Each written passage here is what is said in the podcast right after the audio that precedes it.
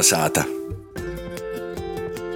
Labs vakars! Latvijas radijas pirmos programmas ēterā latgaļiskais raidījums Kolnesāta. No Latvijas radijas Latgales studijas Rāziknē jūs sveicināja Ēriks Zepsi. Raidījuma īsokums teica garšīgs sanots. Uzreiz brīdinu, ka vakariņas vēl nav pārāstas, tad tā nereiztais laiks uztaisīt čaju, kaidu maizēti, un nozaklausīt sarunu par latgolas garšu. Kolnesāta! Iedīnu kultūras pietnīca. Tāds apzīmējums ir uh, Astras Spalvēnas blogā uh, Facebookā, kur jai raksta savus ceļojumu, pīdzēvojumus un savas sajūtas, un ņēmu arī kādu laiku dzēvoja Latgolā un raksta par Latgolu ar mirkļu birku Latgales nospiedumi. Un šodien Astra ir mūsu gosts kolonizētā. Labs vakars! Labvakar! Iedīnu kultūras pietnīca. Ko tas uh, nozīmē? Tas nozīmē, ka uz ēdienu es skatos nevis no tehnoloģijas viedokļa, kā mēs kaut ko pagatavojam, nevis no uzturzinātnes viedokļa, no kā tas sastāv, no olbaltumiem vai vitamīnu tur ir, bet es skatos no kultūras viedokļa. Jo Ēdiens ir pirmkārt, protams, mūsu ikdienas dzīves sastāvdaļa. Mēs pirmkārt visi ēdam, otrkārt ēdam katru dienu. Un ēdiens caurauž mūsu ikdienu, mūsu svētku prakses, mūsu ģimenes dzīvi. Ārkārtīgi blīvi, bet vienmēr, kad mēs runājam par ēdienu, mēs runājam par kaut ko citu. Mēs runājam par atmiņām, mēs runājam par attiecībām, mēs runājam par emocijām. Nu, tas pats jautājums, ko tu šodien ēdīsi, vai tu jau paēdi. Un, lūk, tas ir tas, kas man interesē gan vēsturiskā perspektīvā, piemēram, kāpēc mēs ēdam to, ko mēs ēdam, kādā veidā šie ēdieni pie mums ir nonākuši. Kāpēc mēs konkrētas darbības veicam, rituāli, kas ir saistīti ar ēdienu parāžas, piemēram, dažādas pat mājiņticības, ka gatavojot ir jādara tā maizi mīcot jākliedz, piemēram, vai kaut kas tāds.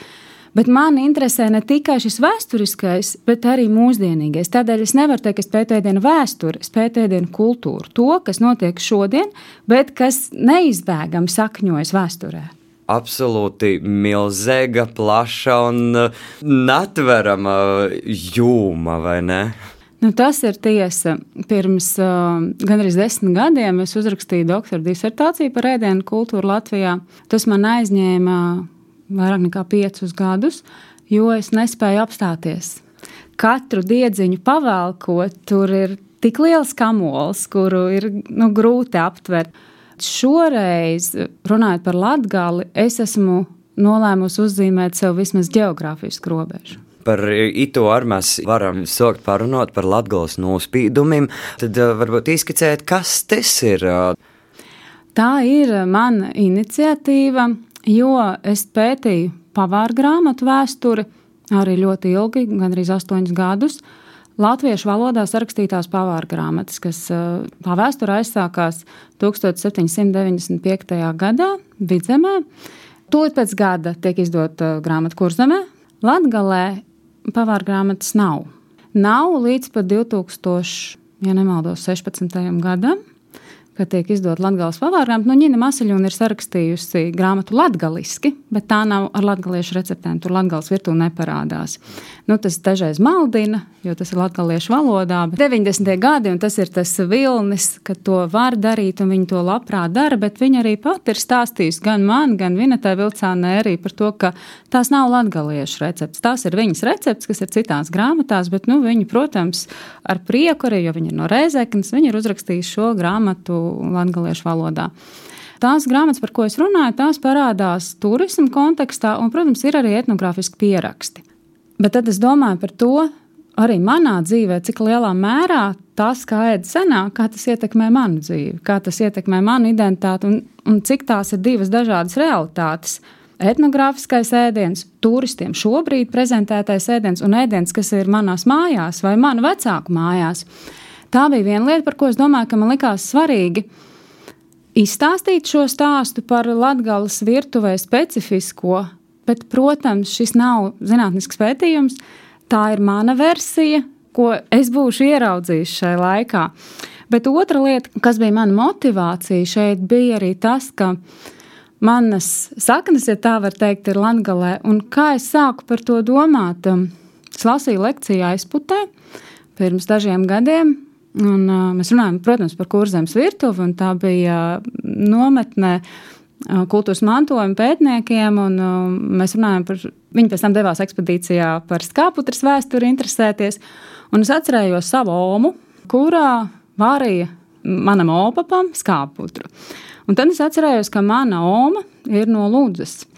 Bet pēc tās lekcijas es sāku domāt par to, vai tā var būt, ka manās bērnības atmiņās par ēdienu, un to man ir ļoti daudz tieši no omas, ka tur nav nekā latgaliska. Un tas ir tas mans personīgais motivators, nu, tāda kulināra asinsbalss. Gola rezultātā vajadzētu izveidot tādam nu, konkrētam priekšstatam par to, kā latgaļīts ir iets eh, gan, piemēram, ogrok un ko pasniedz, eh, teiksim, kā jūs pieminējat, turistim, un kāds ir tas mūsdīnu kasdīnas latgaļīts. Mm. Jā konkrētu priekšstatu es nevaru pretendēt uh, izveidot viena pati. Kaut gan, protams, lai arī tā ir mana personīgā versija, ko es ceru parādīt esēju krājumā, protams, man palīdz tas, ka man ir šī ēdienu kultūras pētnieka un kultūras pētnieka. Mana personīgā vēsture, pieredze, un uh, es tiešām esmu ļoti daudz interesējies, un tas man ļauj kontekstualizēt daudzas parādības. Mans personīgais redzējums, bet tas veidojas arī tādā ārkārtīgi interesantā veidā, jo dažus cilvēkus atrodu iegūglējot, dažus cilvēkus man iesaka mani draugi un paziņas, kas ir Latgalē. Dažus cilvēkus atrodu, jo man atraksta uz Facebook paziņas un saka, paklau, man tur ir tāds radinieks Latgalē. Daži cilvēki paši man atrod Facebookā. Protams, pētījuma avots nav tikai cilvēki. Es gribu redzēt to arī kultūra vēsturiskā kontekstā, runājot par latviešu literatūru, runājot par mūziku. Un arī ļoti mūsdienīgām lietām. Mūsdienīga mūzika vakaras, piemēram, bija Ausmeņa kebabā, Un tā arī ir latviešu virtuve. Šodien mēs runājam par kebabu, mēs runājam par hip hop, un tas nav nekas pretrunīgs. Es saprotu, ka es esmu izvēlējies ļoti izaicinošu uzdevumu. Un reizēm es šaubos, vai tas maz ir iespējams pateikt kaut ko jēgpilnu par pasauli, kas nepārtraukti viļņojās. Un mēs nevaram pienaglot kaut ko un pateikt, šeit tas ir un tāds tas ir. Un tāpēc man jāsaka, ka tie būs stāsti. Tas nebūs konkrēts redzējums. Es tā pieļauju, arī klausētojiem, tā klausoties, var rasties tāds stereotips, nu, ka tas jau cīši labs tāds pieteiums un cīši laba nodarbe. Tas nozīmē braukot katru dienu un ēst, bet tas taču nav tikai tā, vai ne? Nu, jāatzīstās, ka es ēdu ļoti maz šajos braucienos, jo es lielākoties runāju. Protams, es garšoju lietas, bet nu, redziet, kā ir. Es tajā īstajā vidē varu nokļūt ļoti reti, tad, kad man kāds aizved. Citos gadījumos es nokļūstu turistiem adresētajā vidē. Un tur ir uz, nu, bieži vien tiešām uz rūpīgi etnogrāfiski izpētītiem pamatiem veidots latgaliešu ēdiens, kas pārsvarā atsaucās uz laika posmu 20. gadsimta sākums. Vai kā man vakar teica, uz laiku, kad vēl nebija leduskapis, un tas ir tāds plašs periods visas Latvijas vēsturē. Tad arī vakar es runāju ar cilvēku, kas šo ēdienu gatavojas, bija Ludzā šī pavāra man saka, viņa saka, nu, jā, bet es tādu sēdienas mājās nē, es zinu, kā pagatavot, es zinu, pagaršot, lai ir garšīgi. Bet mēs tā nēdam. Mūsu bērni arī nēd zivi kotlets vai grūbu putras. Nu, nē, to mūsdienu cilvēku. Un tādēļ tā garšošana, nu, tas ir tāds tā ir viena neatņemama sastāvdaļa, bet tā noteikti nav tā pamatlieta. Un arī tā braukšana ir tikai nu, tāda mana latgāles vasara, cik no es vasarā pagūšu izdarīt. Un pārējā laikā, protams, es ceru pavadīt laiku bibliotēkā, arī mazliet tomēr parisinot savu senču likteņus kas nebūtu nav unikāli. Tas nav tādā ziņā personīgs stāsts, ka es gribu, nezinu, uzzīmēt savu dzimtas koku. Nē, šie stāsti nav unikāli. Šie stāsti ir pazīstami visiem latgaliešiem, visiem latviešiem par dzīvēm, kas sākas 20. gadsimta sākumā, kur ir pašiem sava valsts beidzot, ko, teiksim, bieži vien vecāki un vecāki nav varējuši aptvert. Tad ir šī došanās pasaulē, Jo, piemēram, manā mamma aizbrauca uz Rīgu, bet viņas brālēns aizbrauca uz Parīzi, un otrs brālēns aizbrauca uz Brazīliju. Un tad, protams, šiem likteņiem ir tas lauzums, kas ir karš. Un pēc kara atkal ir uh, dažādi virzieni, kā šīs aizlaustās dzīves turpinās turpinās padomu laikā, un tas atkal nes tādas vai, vai citas izmaiņas arī ēdienu kultūrā. Un, protams, nu, šodien, kas ir jau mums mazbērniem, pārdomājama. Karš vai kaut kādas dūšanos, porzavokšanas, porīšana citā ticībā, salīdzinot to kontekstu, tas nozīmē, ka arī pēc kāda laika mēs jūsim, kā visi notikumi Ukrainā ietekmē latviešus To mēs redzam jau šobrīd, ļoti izteikti gan Latvijas virtuvē, gan arī Vidzemes un Kurzemes virtuvē, kur ir šī kulinārā miedarbība, kur ir ēdiena, ko mēs esam pārņēmuši no, no citām tautībām, no citām etniskām grupām, no kopienām. Nu, piemēram, šajā gadījumā es nesen runāju arī par ebreju kulināro mantojumu Latgalē, tad tā ir pildītā līdaka, kas uzreiz izlied no maisa kā, kā pierādījums, ja, kas ir aprabēts ebreju ēdiens. Un Tāpat eh, kurzemē, vidzemē ļoti daudz eh, vācu baltiešu ēdienu, kurus mēs tagad vispār neredzam kā vācu baltiešu. Tas ir mūsu, mēs esam vienmēr taisījuši pildītās virbītes vai kaut ko tādu, bet nu, to nekad nevar pateikt. Lūk, tas ir no šejienes, tas ir, nu, tad tas radās, jo, nu, kā es arī vienmēr saku, tie pierādījumi ir apēsti. Tādēļ ēdiens mūsos pastāv kā garšas atmiņa un pastāv kā stāsts. Un tādēļ, protams, mēs nevaram pateikt, ka ēdiens ir cēlies te vai te un nācis no tādas vai tādas valsts vai ietekmes zonas. Bet runājot par atmiņām, runājot par līdzībām, mēs, protams, redzam, ka tā ir nemitīga tāda miedarbība.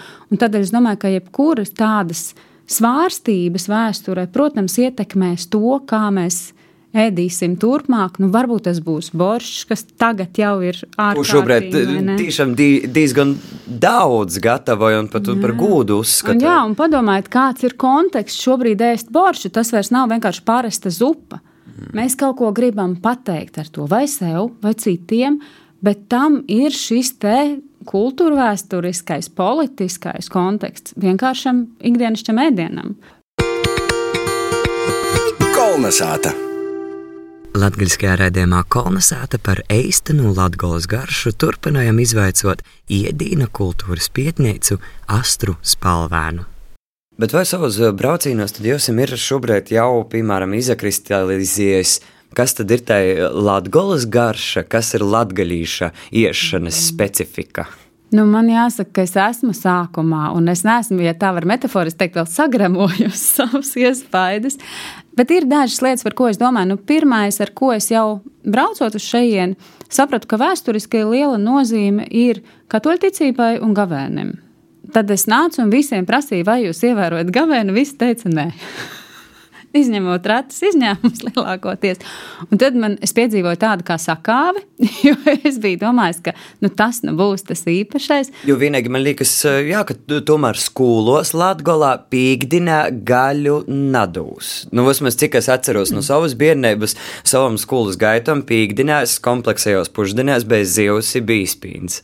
Vai cik labi. Šo man neviens nebija teicis. Lūk, tā arī turpinās šīs sarunas. Bet droši vien, ka arī tas gavēnis ir no ģimenes uz ģimeni, no, no, arī tam var būt dažādas izpausmes, kas nevienmēr tā ir gaļas nēšana, iespējams, tā ir kādu citu produktu nēšana vai, vai tam līdzīgi. Bet eh, šobrīd es domāju par to, nu, to ko es tomēr um, esmu pamanījis, runāt ar dažādu pauģu cilvēkiem, ka katoļu ticībai joprojām ir ļoti liela loma lielāka loma nekā es teiksim, ikdienā redzu kaut vai esot kurzemē vai, vai Rīgā. Tādēļ es domāju, ka ir vēl viena diezgan nozīmīga parādība, kas no tā izriet, un tā ir šī gavēņa dzīvu mentalitāte. Ir brīdis, kad mēs ēdam, jūs, mēs, ja, Latvijā ēd ļoti pieticīgi, un ir brīdis, kad ir dzīves, kad ir balles simts cilvēkiem, ka galds ir jāklāj tā, lai šķīvju malas saskarās, lai nav kur pirkstu iebāzt. Iespējams, arī šī dzīru mīlestību tradīcija mazliet transformējas mūsdienu cilvēkiem. Varbūt tās dzīves ir mierīgākas, varbūt nav tik daudz cilvēku, bet varbūt arī ir, jo tas joprojām ir svarīgi. Protams, var runāt arī par atsevišķiem ēdieniem. Es, piemēram, domāju par par augiem, par līnijiem un kaņepēm.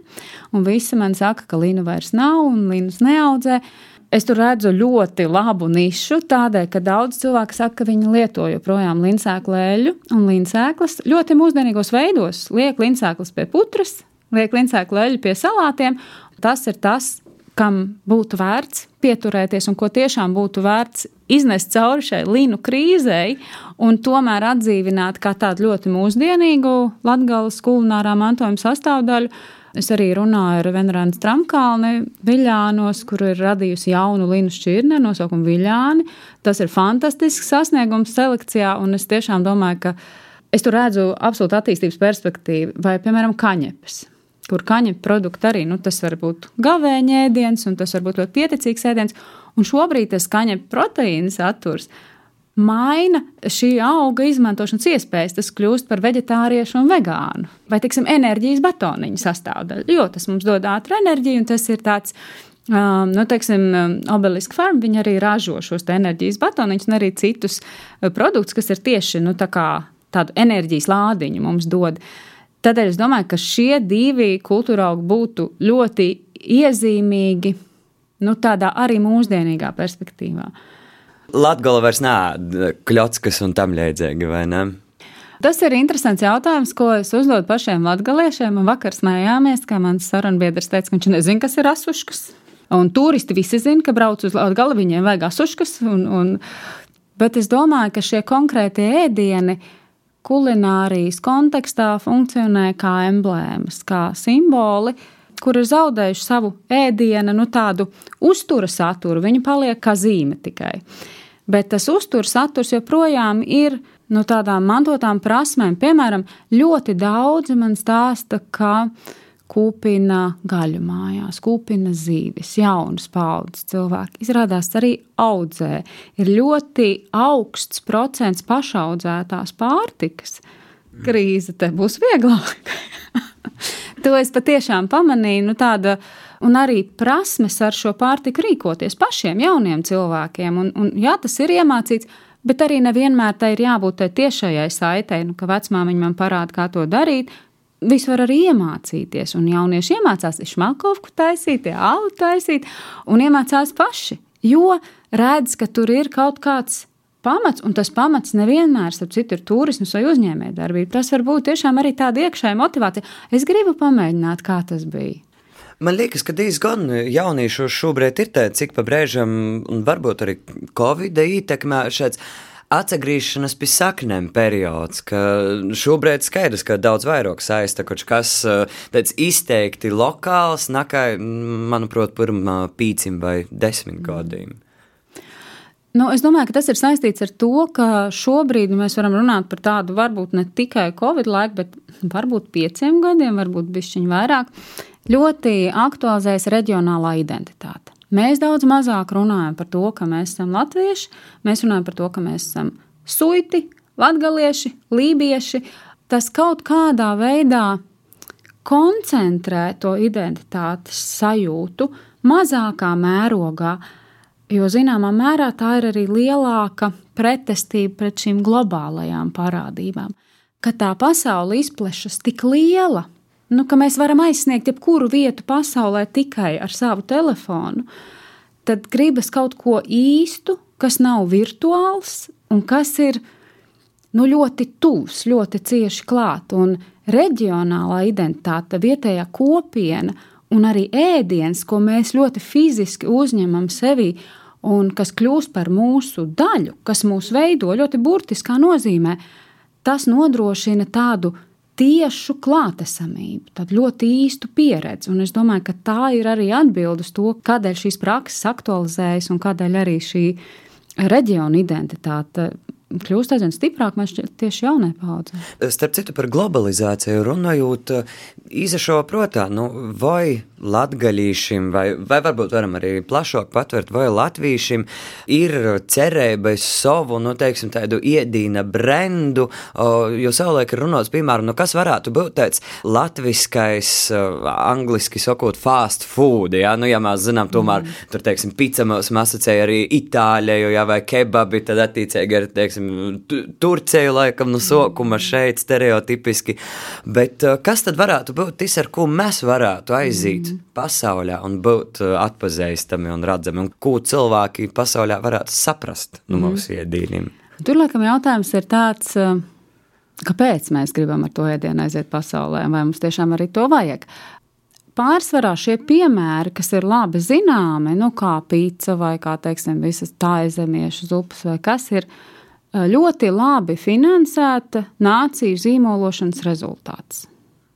Visbiežāk, nu, piemēram, Taizemes virtuvē tas ir ļoti konkrēts piemērs. Ļoti intensīvi tiek izplatīta informācija, tiek veidotas taizemiešu kafejnīcas, viesnīcas. Un, protams, ja mēs visu laiku redzam, šis piedāvājums mums ir acu priekšā, nu, mēs pie tā pierodam. Sushi izplatība, piemēram, arī ir saistīta, tāpat kā pīcis izplatība, ir saistīta ar emigrantiem Amerikā. Tad gan Japāņu emigrantiem, gan Itāļu emigrantiem Amerikā, kam ir šī unikālā pieredze, viņi aizbrauc uz citu vidi, ko tagad darīt, un tad viņi izmanto šo pieredzi. Ēdieni nekļūst globāli populāri, manuprāt, ēdienu īpašību dēļ. Viņi bieži kļūst globāli populāri motivācijas dēļ, vai arī tādēļ, ka specifiska pagatavošana, ēšana vai komponentu savienojums ļoti atbilst nu, kaut kādiem mūsdienīgiem paradumiem. Nu, piemēram, hamburgers, kas kļūst par nu, tādu ne tikai fast food, bet arī tādu, nu, šobrīd var teikt. Es pat nezinu, kā lai latviešu to pasakā, ja, bet nu, tāds tā kā, nu, tā nav augstā virtuve, ne, bet mainījies tomēr ir tas status ka ir tas amata hamburgeris, tā kā amatāls, ja mēs varētu teikt, amata hamburgeris, nu, ko, kas ir labas kvalitātes gaļa, kas ir labas, la, labi pagatavots. Nu, kāpēc tāds varēja rasties? Tas saistīts arī ar to, ka restorāna kultūra mainās. Jo mēs atsakāmies no balti klātiem restorāna galdiem, no tiem 15 piedarumiem, rindām, no tām astoņām glāzēm kas, protams, radīja situāciju, ka cilvēki nezināja, nu, kā to darīt. Nu, runā arī par to mileniāļu paudzi, kas nu, vienkārši viņiem ir brīvi līdzekļi, ko tērēt, bet viņi grib tērēt tā, kā viņi grib. Nevis tā, kā viņiem uzspiež iepriekšējā paudze. Un tādēļ gan šis amatāls, gan amathamburgeri, gan vēl kaut kas nu, tas veido jaunu tādu sociālās ēšanas veidu, arī kebabs, starp citu, tāpat, nu, kas ļauj mums vienkārši brīvi socializēties, nošķiesties ar mērci, ja vajag, un neviens no tā neko neiztais. Un, protams, šie ēdieni. Nu, nevis, piemēram, grūba biezputra trešais vietās, tāpēc, ka tieši tā var gan pagatavot ātri, vienkārši no iepriekš gatavām sastāvdaļām, gan apēst. Tur nevajag nekādus rīkus, neko. Un tad nu, viņiem ir tā īstā niša pienākusi. Piemēram, tā kā es domāju par sklandraušiem, kas kļūst ar katru gadu aizvien uh, populārāk viena iemesla pēc. Tas ir ērts, tas ir Instagramabls, to var ļoti labi fotografēt, un uh, tur var taisīt darbnīcas, pagatavot to var jebkurš, pasniegt var brīnišķīgi kādā veidā, un tam, es domāju, ir potenciāls no suvenīra kļūt atkal atgūt savu vietu reālajā ikdienas kulinārijā. Aizvien vairāk cilvēku mācās arī, teiksim, brauc uz meistaru darbnīcām, tam līdzīgi. Nu, kurš tāds ēdiens varētu būt latviešu virtuvē, es nezinu, bet es no savas puses redzu ļoti lielu perspektīvu asuškām, tiešām, kas no suvenīra varētu atgriezties iespējams virtuvē, tāpēc tas ir garšīgi. Iz šos garšīgos nūts, itemā sestdienas vakarā arī mēs noslēdzam sarunu ar iedīna kultūras pietnēcu Astru Spalvēnu. Paldies, ka atradat laiku ar mums pazarunot, un tad vaicojums, nu, piemēram, tā, kāds cilvēks Latgolā nūzaklausa un grib pazadaļāt ar jūsim, vai tu dreigs darēt, un tad, ko, kā ir jūsim sasazinot? Protams, es ļoti priecāšos, un kā jau es stāstīju, arī priecāšos par jebkādu pieredzi. Tā nav jābūt gadsimtiem senai pieredzēji, un to var darīt vienkārši uzrunājot mani Facebookā. Man ir gan personīgs profils, gan Facebook lapa, abi ar manu vārdu, uzvārdu Astras Palvēnu. Tā kā droši, un, un es būšu priecīga. Tad lai veicas un gaidīsim to gala rezultātu. Paldies par sarunu!